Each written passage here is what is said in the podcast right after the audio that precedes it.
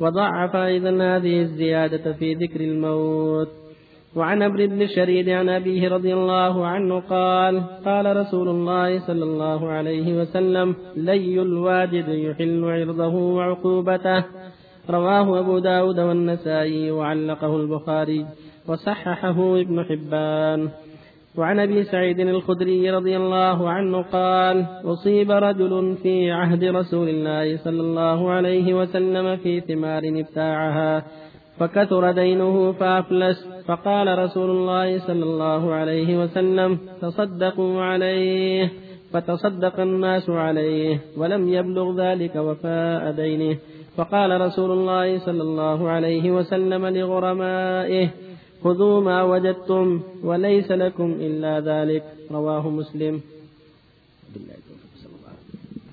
صلى الله وسلم على رسول الله وعلى آله وأصحابه ومن اهتدى بهداه. أما بعد هذه الأحاديث ما يتعلق بالإفلاس والحجر. كثيرا ما يقع الإفلاس. على بعض الناس يستدين أو يشتري سلع ثم تصاب ماليته بتلف أو جائحة فيفلس. بين النبي صلى الله عليه وسلم أن أي إنسان باع سلعة على غيره ثم أفلس المشتري ووجدها البائع بعينها لم تغير فهو أحق بها. ما دام المفلس حيا والعين بحالها ناقة أو إناء أو غير ذلك فهو أحق بسلعته إذا كان المفلس حيا ولم يقبض من ثمنها شيئا البائع أما إن مات المشتري أو قبض البائع بعض الشيء فهو أسوة الغرماء وهذا يسمى حجر التفليس يسمى الحكم على جانب التفليس يعني محجور عليه في هذا الشيء الذي وجده بعينه ليس له التصرف فيه بل صاحبه أولى به إذا طلبه. ويأتي بقية ما يتعلق بالحج. وفي الحديث الثاني دلالة على أن لي الواجد يحل عرضه وعقوبته. يعني مواطلته وهو يستطيع الوفاء يحل عرضه وعقوبته. اللي المواطلة يحل عرضه يشتكي ويقول تراه ما طلني عطل حقي ما يصير غيبة. وللقاضي أو الأمير أن يعاقبه حتى يسلم الحق ما دام مليئا. عليه أن يسلم الحق لمستحقه ولو بالسجن أو بالتأديب.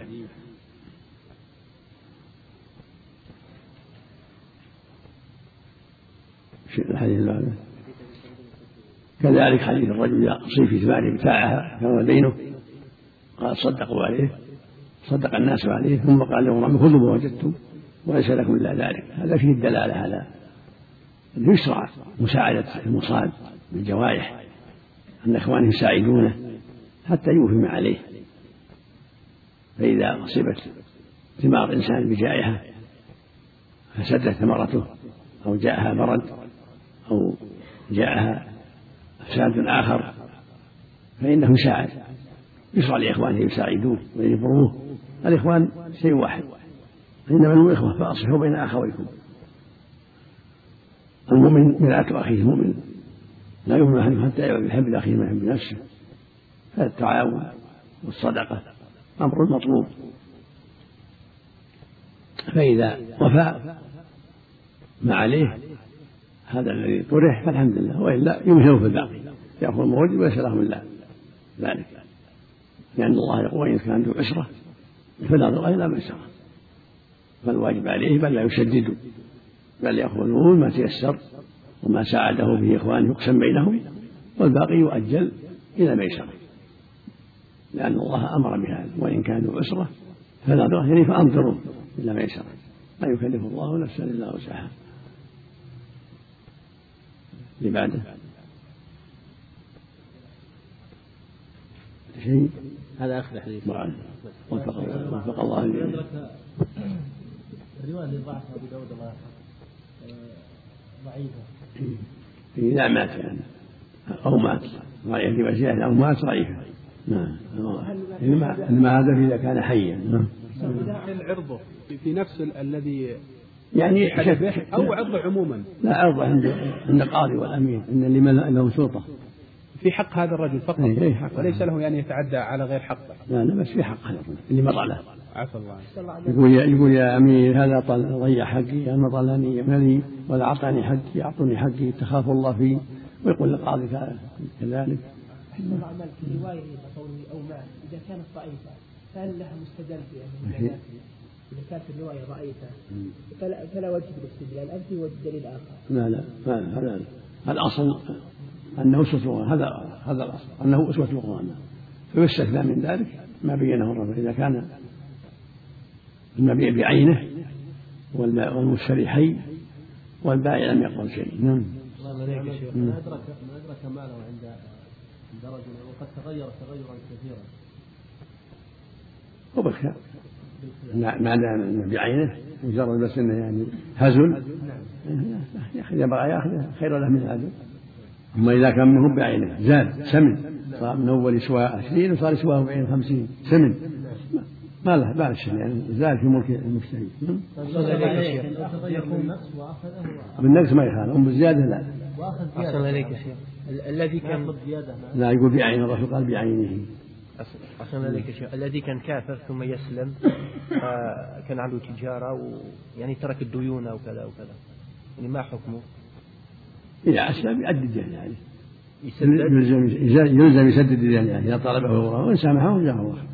إذا ما سمحوا يعطى يعطى دونه حتى حتى التجارة كان في مثلا في, في الخمر أو لا لا الديون ثابتة شرعية. ديون شرعية. نعم إذا وجد ماله يأخذها من نفسه ولا عن طريق الدولة أو يعني مثلا وجد لا من طريق المحكمة. ما ياخذ من شخصيا. لا لا من طريق الشخص. هو من طريق المحكمة من طريق ولاة الأمور. هو مو ابنها. من طريق ولاة الأمور.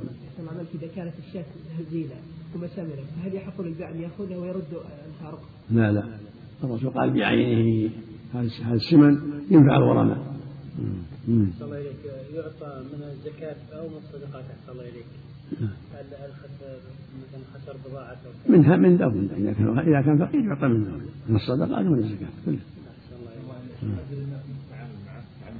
نعم. يحذرهم نعم يعني الناس من المفلس هذا من التعامل معه. يقول لا تعاملون معه تراه مفلس أو كذا. لا لا ما هو بلازم. حد يصنع نفسه. هو يصنع نفسه والحمد لله.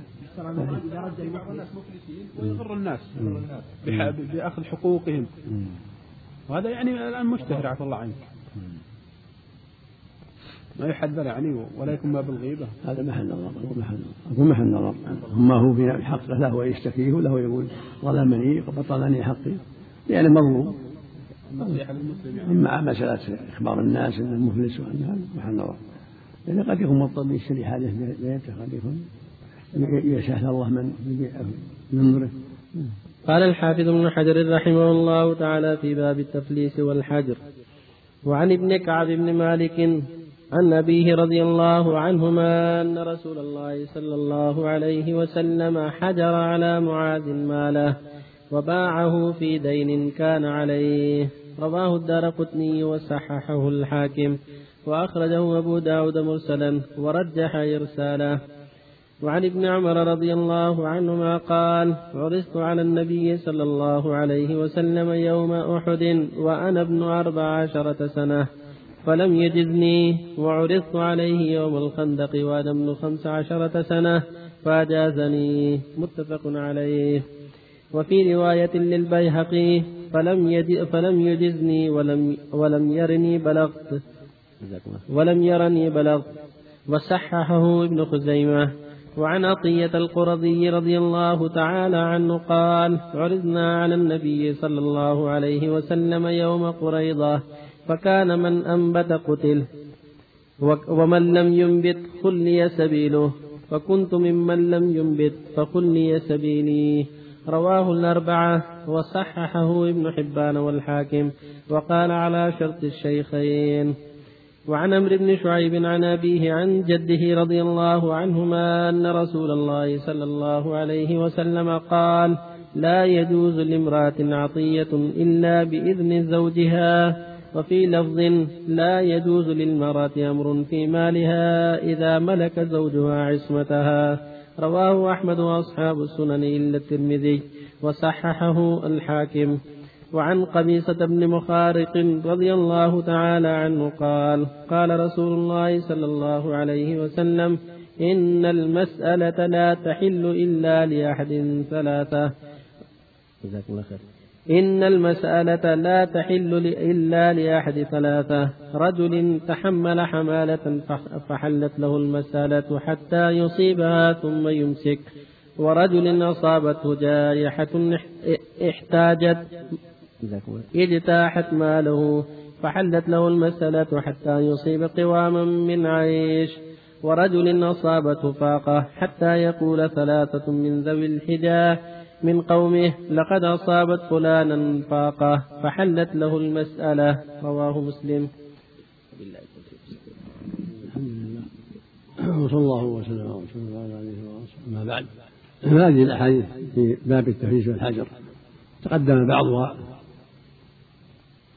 وأن من وجد أماله بعينه عند رجل قد أفلس فهو أحق به كما تقدم. وهذا ما يتعلق بالحجر على المفلس. وهو أنه تكثر ديونه ويقل ماله ويطالب أهل الديون بالحج عليهم فهذا يحجر عليه بمعنى أن ديونه بأن أمواله تحصر وتباع إن كانت عروض وتقسم على الديعين مثل ما تقدم في أبي سعيد. أن إنسانا كان الديون فقد صدقوا عليه. صدق الناس عليه فقسمها بين الديعين وقال ليس لكم إلا ذلك. وأمرهم بإنظاره الباقي. فهكذا إذا كان زيد أو عمرو عليه ديون وساءت أعمال تجارته وكثر دينه وقل ماله عن المقاومة وطلبوا أن يحجر عليه من القاضي يحجر عليه. وهذا ومن هذا الحجر على معاذ.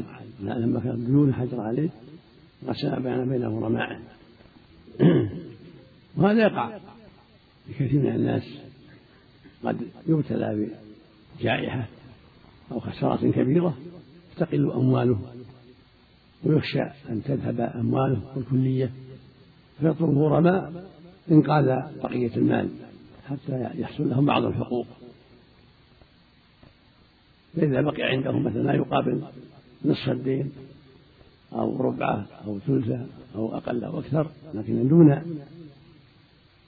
أموال دون حقوقهم يعني حقوقهم أكثر من ماله وطالبوا ولي الأمر فإن يحجر عليه. بمعنى أنه يمنع من التصرف في أمواله ويبيعها قاضي ويقسمها بين الغرماء كل على قدر نصيبه.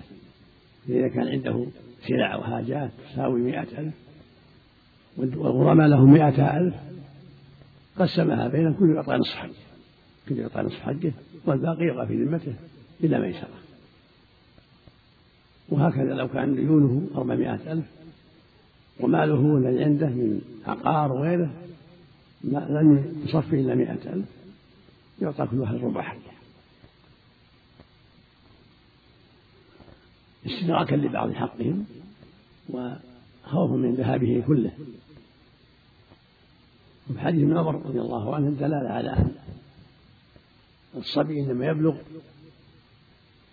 ويجاز في القتال إذا بلغ خمس عشر سنة لأن الرجل عرض عليه ابن عمر عليه الصلاة والسلام رضي الله عنه يوم أحد فلم يجيزه وكانت أحد في السنة الثالثة من الهجرة. وكان في الرابعة عشر. وعرض ابن عمر عليه يوم الخندق وهي في السنة الخامسة فأجهزه يكون قد كمل خمسة عشر سنة. فدل على أن الغلام إذا أكمل خمسة عشر سنة حكم بالغين في الجهاد وغيره والأحكام. وهكذا إذا أنبت الشعر الخشن حول حول القبل يكون حكم حكم الرجال. لحديث عطية القرظي النبي صلى الله عليه وسلم لما حكم في بني قريظة سعد بنو قريظة نقضوا العهد من اليهود وكان بينه وبين النبي عهد ألا يقاتلوه وألا يساعدوا على قتاله. فلما جاءت قريش وحاصرت المدينة في الخندق نقضوا العهد وساعدوا قريشا في الحرب. فلما قضى الله على قريش يوم الخندق وهزمهم وارسل عليهم الرياح العظيمة ورجعوا خائبين إلى مكة. حاصر النبي قريظة لأنه نقضوا العهد حاصرهم. فطلبوا أن ينزلوا على حكم سعد بن معاذ لأن كان وليهم انه في في جواره. فطلب سعد بن معاذ وكان به جراحة يوم الخندق فجاء وحكم فيه. قال له النبي صلى الله عليه وسلم إن هؤلاء قد نزلوا على حكمك. فانظر. فقال أحكم فيهم أن تقتل مقاتلتهم وأن تسبى ذريتهم ونساؤهم لنقضهم العهد. فقال صلى الله عليه وسلم لقد حكمت بحكم الله. لقد حكمت بحكم الله من فوق سبع سماوات. ونفذ حكمه فيهم. فأنزلوا من حصونهم. النساء صاروا سجنا للمسلمين والأطفال. ومن كان فيه شبهة هل هو كبير أو صغير عرضوا على اللجنة تفتش عنهم لو وجدوه قد أنبت الشعر الشعرة قتلوه لأنه رجل. ومن لم ينبت صار تبع الذرية سبي. لأن السن قد يكذبون في السن. قد يقولون له خمسة عشر قد يقولون بأربعة عشر قد يقولون قد يكذبون في السن. فعلق الحكم بالإنبات لأن شيء واضح واقع موجود. فدل ذلك على أن من بلغ هذا المبلغ لأن أنبت له حكم البالغين تجب عليه الصلوات الخمس وعامل معاملة المكلفين في الجهاد وغيره. وهكذا إذا أكمل خمسة عشر سنة لحديث ابن عمر وهكذا إذا أنزل إذا احتلم وأنزل أو أنزل بالشهوة غير احتلام يكون له حكم غيره بإحدى الثلاث الإنزال عن شهوة الشعرة إكمال خمسة عشر سنة للرجل والمرأة. تزيد الجارية أمرا رابعا وهو الحيض إذا حاضت صارت امرأة. الحديث السابق وقول صلى الله عليه وسلم لا يقبل الله صلاة حائض إلا بخمار.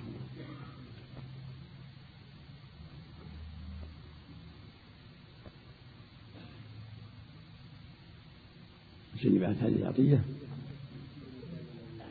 لا يجوز لامرأة عطية كذلك حديث عمرو بن شعيب عن أبيه عن جده عبد الله بن عمرو بن العاص رضي الله عنه والنبي عليه قال لا يجوز امرأة عطية إلا بإذن زوجها. في النص الآخر ليس المرأة تصرف في مالها إلا بإذن زوجها إذا ملك عصمتها. الحديث هذا وقع في بعض الخطأ والغلط. والصواب أن ليس لها تصرف في مال الزوج. إلا بإذنه. ليس لها عطية في ماله هو. إلا بإذنه. أما مالها هي حرة فيه. إذا كانت رشيدة لها تصرف. تصدق. تعطي.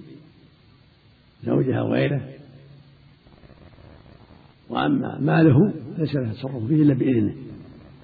إلا ما جرت به العادة كفضول الطعام والشيء جرت العادة بأن الزوج يسمح به يعطاه الفقراء. ما جرت به العادة. أما التصرف في مال بيع أو عطية لمال أو هبة فلا بد من إذنه. أما يتعلق فقد تهي حاجاتها هي فلها تأخذ من مال حاجتها. وهكذا أموالها لها التصرف فيها من أموالها. والدليل على هذا أنه صلى الله عليه وسلم كان إذا فرغ من صلاة العيد وخطبة العيد أتى النساء فذكرهن ووعظهن وحثهن على الصدقة. فجعلن يتصدقن من حليهن من حليهن وأقراطهن ولم يقل لهن استأذن أزواجكن كان كن يقين الصدقات في بلال فلو كان إن الزوج شرطا لقال لقالهن لا تفعلن إلا بإذن أزواجكن وهن يم غفير يوم العيد. في سنوات فلو كان لها فلو كانت ممنوعة من الصرف في مالها لم يقل لهن تصدقنا. وهن في المسجد ولم يقل لهن استأذن أزواجكن وفي صحيح مسلم عن ميمونة رضي الله عنها أنها قالت يا رسول الله أشعرت أني أعتقت فلانة؟ جالس لها. قال أما إنك لو أعطيتها أخوالك لكان أعظم لأجرك. ولم يقل لها ليش أعتقتها ما شاورتيني والأمة لها قيمة. الأمة لها قيمة. فلو كان لو كان تصرفها لابد فيه من إذن لقال أخطأت. لابد من إذن ما ينفذ هذا العق ما ينفذ لابد من إذني بل قال أما إنك لو أعطيتها أخوالك لكان أعظم من أجلك هذا يدل على أن الصدقة على الأرحام أفضل من العتق. الأرحام الفقراء وأن الإنسان يتصدق عليهم ويواسيهم أولى من كونه يعتق. لأن الصدقة هذا الرحم صدقة وصلة اثنتان صدقة وصلة. والحديث الأخير يقول صلى الله عليه وسلم إن المسألة لا تحل لأحد ثلاثة حديث قبيصة. هو حديث عظيم وفيه فائدة كبيرة. إن المسألة لا تحل إلا لأحد ثلاثة رجل تحمل حمالة فحلت له مسألة حتى يصيبها ثم يمسك. إنسان شاف نزاعا بين جيران أو بين قبيلتين أو غيرهم فتوسط بالإصلاح. وتحمل خمسين ألف أربعين ألف مئة ألف للصلح بينهم حسبا لمادة النزاع والفتنة والقتال. هذا محسن ولو أنه تاجر محسن يعطى الحمالة لا بأس أن يسأل. من ولي الأمر وغير ولي الأمر حتى يعطى الحمالة تشجيعا للمصلحين على هذا الأمر الأمر الطيب. إذا أعطوا صار أشجع لهم لا يتوسطوا بين الناس ويحلوا المشاكل. فإذا صارت قبيلة متنازعة أو جيران تنازعوا في دماء بينهم أو ضرب بينهم أو فتنة بينهم فجاء أحد المصلحين وقال أنا أصلح بينكم بعشرة آلاف عشرين ألف مئة ألف واتركوا الفتنة فإنه يعطى من الزكاة ويعطى من غيرها لأنه مصلح. وهو من الغارمين داخلين في قوله تعالى والغارمين ولو أنه غني يعني لأن هذا فعله للإصلاح. مثل ما يعطى المؤلف شيخ القبيلة ولو أن التاجر يعطى من الزكاة حتى يقوى إيمانه أو يدفع شره. من الشرير أو يسلم نظرائه إذا رأوه. يعطي اسلموا الثاني الثاني شخص أصابت جائحة فافتقر. إنسان عنده غنم فأصابها مرض هلكت. عنده مزرعة في حاصل عنده فتلفت بسبب البرد أو غيره. هذا يعطى يعطى ما يسد حاله. يسأل له أن يسأل يقول يا إخواني ترى أصابني كذا وكذا فإذا ثبت يعطى ما يسد حاجته. حتى يصيب قواما من عيش أو قال سدادا له أن يسأل. الثالث إنسان بخير ونسأل الله لكن توالت عليه الخسائر حتى افتقر في تجارته. وصار فقيرا بعدما كان غنيا. وشهد له ثلاثة. أنه صار فقيرا. وأن أمواله اللي عنده ذهبت ما هنا جائحة لكن توالت عليه الخسائر من سوء التصرف. فصار فقيرا. هذا يعطى من الزكاة وله أن يسأل حتى يحصل له قوام العيش. له أن يسأل إخوانه أنا أصابني كذا وأصابني كذا. وللعارفين بحاله يعطوه من الزكاة وغيرها ما يسد حاجته. وما سواهن من المسائل سحت.